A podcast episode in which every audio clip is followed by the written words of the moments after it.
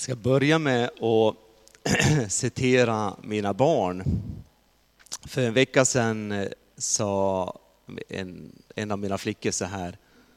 Mamma, är det här sista gången vi kommer vara i Korskyrkan? Nej, vi kommer vara en gång till. De kommer, de kommer sakna mig.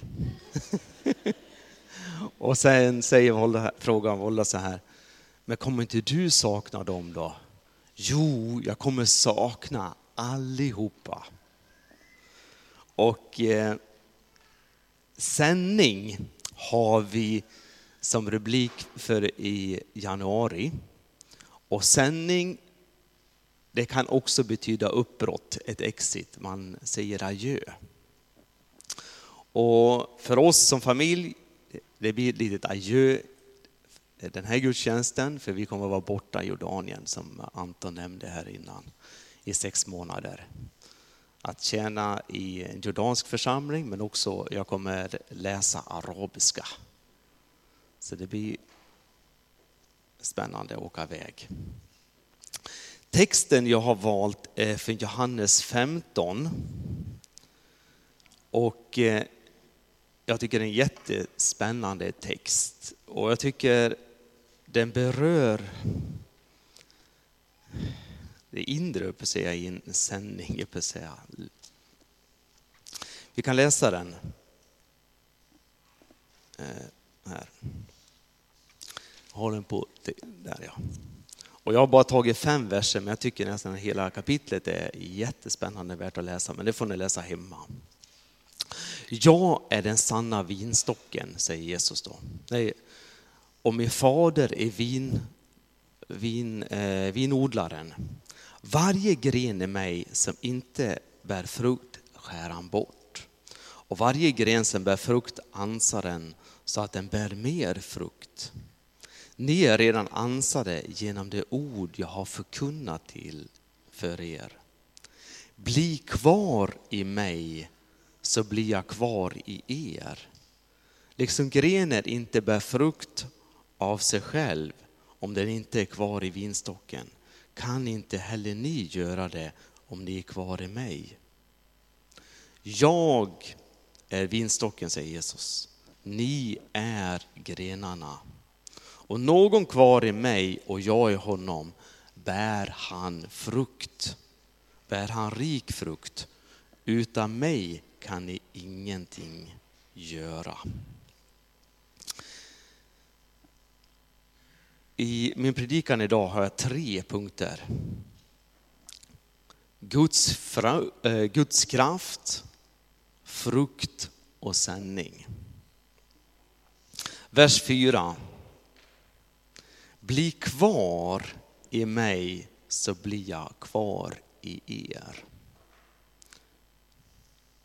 Vad betyder det att bli kvar i Jesus? Jag skulle säga att ha ett regelbundet andaktsliv, att det kan man välja att göra och det tror jag ni har. Min mamma som är, hon berättade till mig när hon var små, när vi var små, när jag och min syster, vi är nära, och hon liksom brottas med hur ska jag få tid och, och ha andakt. Då bad hon till Gud, som det står i Jesaja, Lär mitt öga att eh, lär.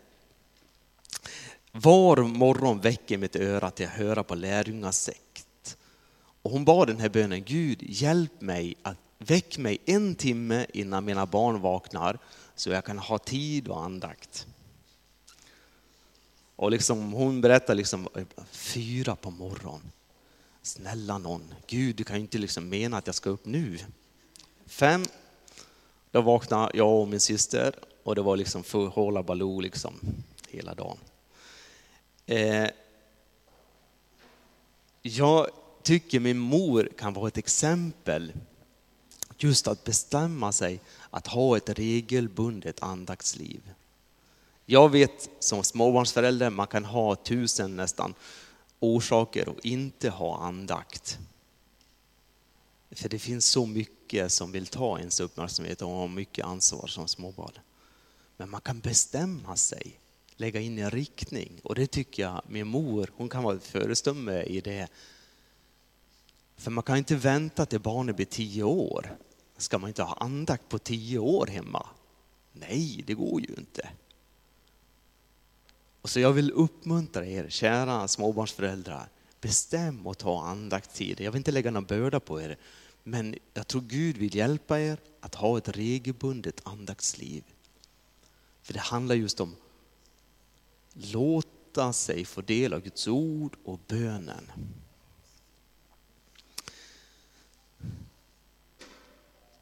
I någon kines, jag läste i någon bok här, de talar just om det här med bön. Bön, det är att andas.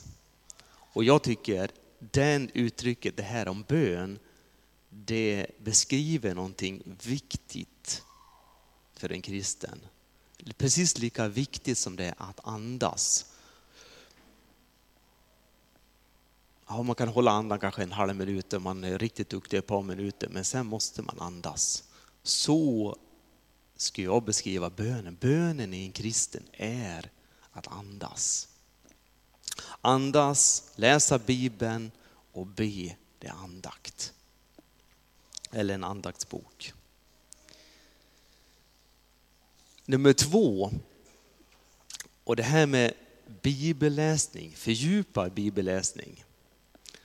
Och eh, jag har varit i Mellanöstern och jag måste säga, många som har en annan tro, de kan den här, deras bok stort sett utan till. inte alla, men en del kan ju det. Och jag skulle vilja uppmuntra oss som frikyrkomänniskor, vi borde läsa mer. Kunna lite mer av den här boken. Och det är vi olika, en del är alldeles nya i tron, ja men läs då evangelierna. Men har man varit några år, ja men då kan man läsa breven och, och kanske gamla testamentet. Så man får liksom en bild av, av frälsningsberättelsen. När jag var iväg på medarbetardagarna i höst här, så var jag på en föreläsning om bibelmeditation, Jesus meditation. Och det var liksom en, eh, de tog man en, en text i evangelierna och det hände någonting. Där Jesus gör någonting, ett under eller någon besatt blir fri och sådär. Och så tar man tid och läser den så man kan texterna och sen tar man tid och tänker sig in i den situationen.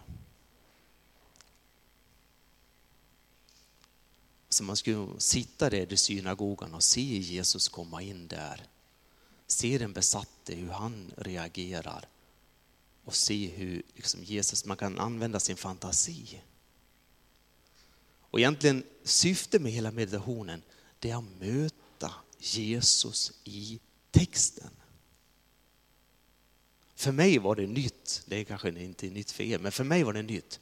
Just det här mm, ordet, det blir inte bara här, utan man möter Kristus i texten.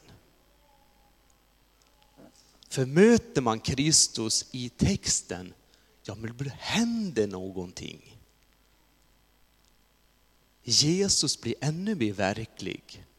Har man mött den demonbesatte, ja men då förstår man, Jesus har makt också över, då är det inte bara kunskapen blir här, utan den landar i hjärtat. Att bli kvar i Kristus. Och nu har jag gett två exempel, det här med andakt och bibelläsning.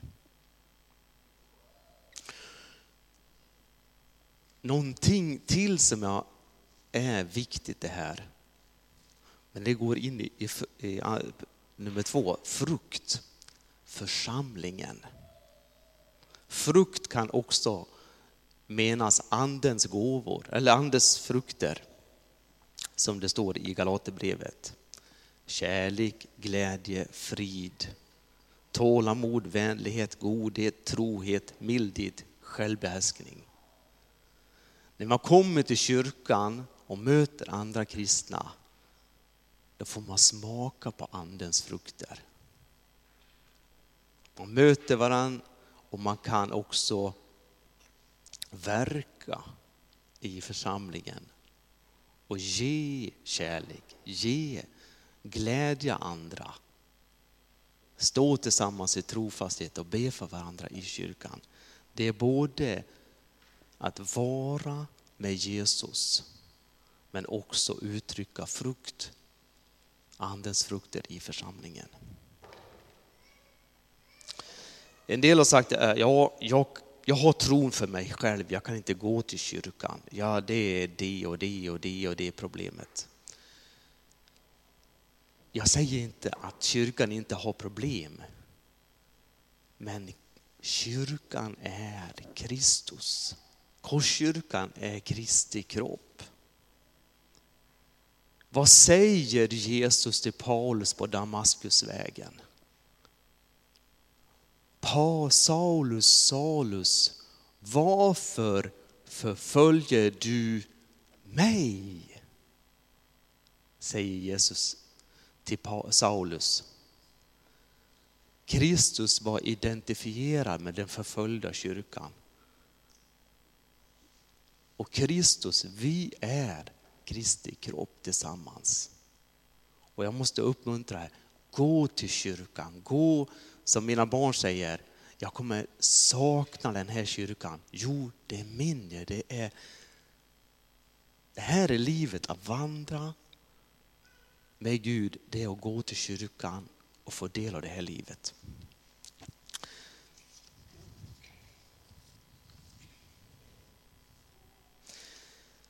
Frukt.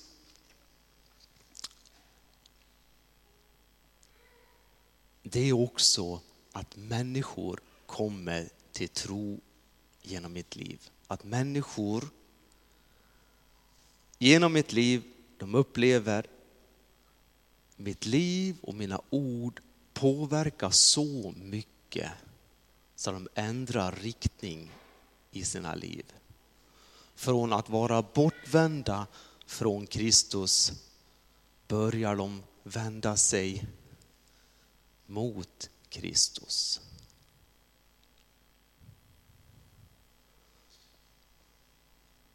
Och vandra. Och den kallelsen tror jag verkligen alla kristna har. Att bära frukt. Att vara ett vittne. Mitt tredje ord var just det här sändning. Och jag tror verkligen att alla människor, alla kristna har en uppgift att vara ett vittne för andra människor. Inte åka ut som missionärer kanske, men vi är olika och olika gåvor och där kan vi vara vittnen. Våra ord och våra liv kan få tala så starkt att det kan påverka vår omgivning. För en vecka sedan talade jag just om att vara frimodig och oförfärad var en av mina punkter. Och jag vill uppmuntra församlingen. Gud är med oss. Var frimodig och oförfärad. Häng inte med huvudet, ja jag är kristen, jag går, Nej, var stolt. Har en stolthet, jag tillhör Kristus. Och människor kommer till dig och frågar, varför är du så glad idag? Då får man tillfälle, ja men Jesus bor i mitt hjärta, jag pratar med honom idag. Eller Gud kommer leda dig och vittna för dina medarbetare. Var frimodig och vittna för människor. Frank Mang skriver, har skrivit en bok så här, varje kristen en själavindare. Och jag tror han har helt sant. Vi som församling har en sändningskallelse över våra liv att berätta för andra vad vi själva fått del av. Och kraften, den kommer inte från oss, utan den kommer från Kristus. Han kommer ge oss kraft, han kommer ge oss ord och vara med oss i det uppdraget.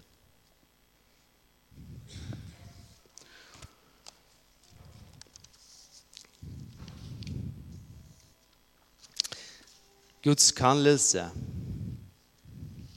sändning. Jag skulle säga också vissa lemmar kanske får en specifik kallelse och känner Gud har lagt på mitt hjärta att jag ska åka dit. Och vi, vi kallar det missionärer. Och det är människor som har upplevt att Gud har kallat dem till olika platser för kortare eller längre tider. Och kyrkan, genom hela kyrkans historia, har sänt ut sådana människor. Sedan apostlarnas tid har kyrkan skickat ut människor till olika platser och predika det. Och här i Korskyrkan har vi också gjort det. Vi stöder flera familjer. Picket som är, eh, jobbar i Mellanöstern. Och vi som Korskyrka, vi är med och stöder dem i bön och ekonomi. Jonsson är ett annat, familjen Jonsson är ett annat exempel. Och de är i Brasilien. Och vi får vara med och sända människor ut dit.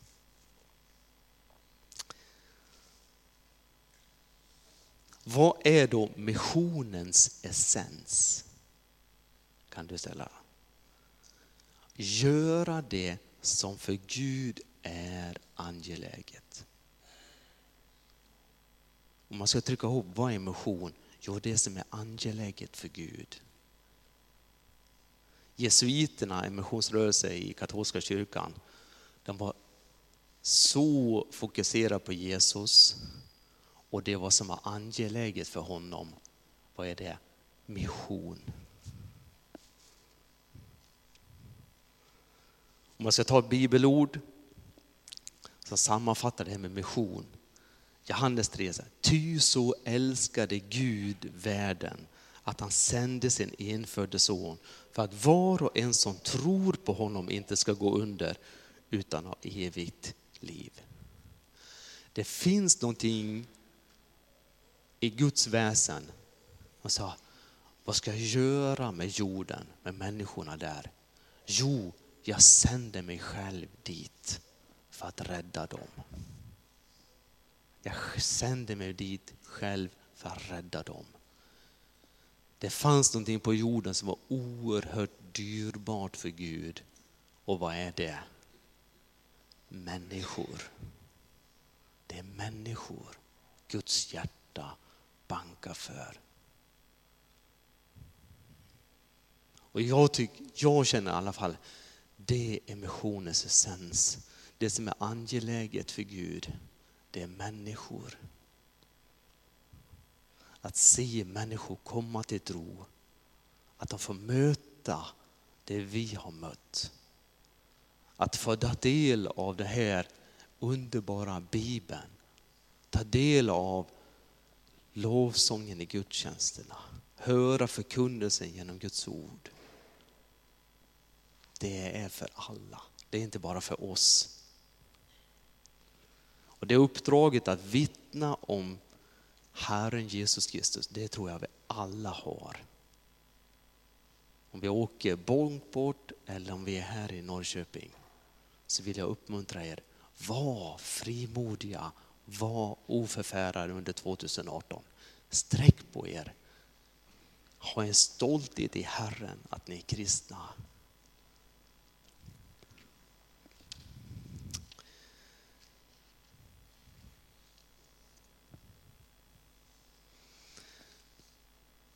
Ska vi be tillsammans.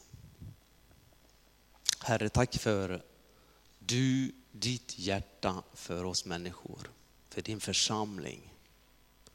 Att vi kan återspegla din kropp här på jorden, Herre. Tack att du kan verka genom din församling. Du är med den lidande församlingen i Mellanöstern, i Indien och på många ställen och det lider med din kropp där. Men tack att du också är med oss här i Korskyrkan 2018. Du ser vad, kanske vad vi jobbar och sliter med. Men tack att du också du vill komma oss nära. Herre, jag ber dig öppna ditt ord ännu mer för oss. Så vi kan möta kraften från dig. möta dig i texterna och se hur underbart du är.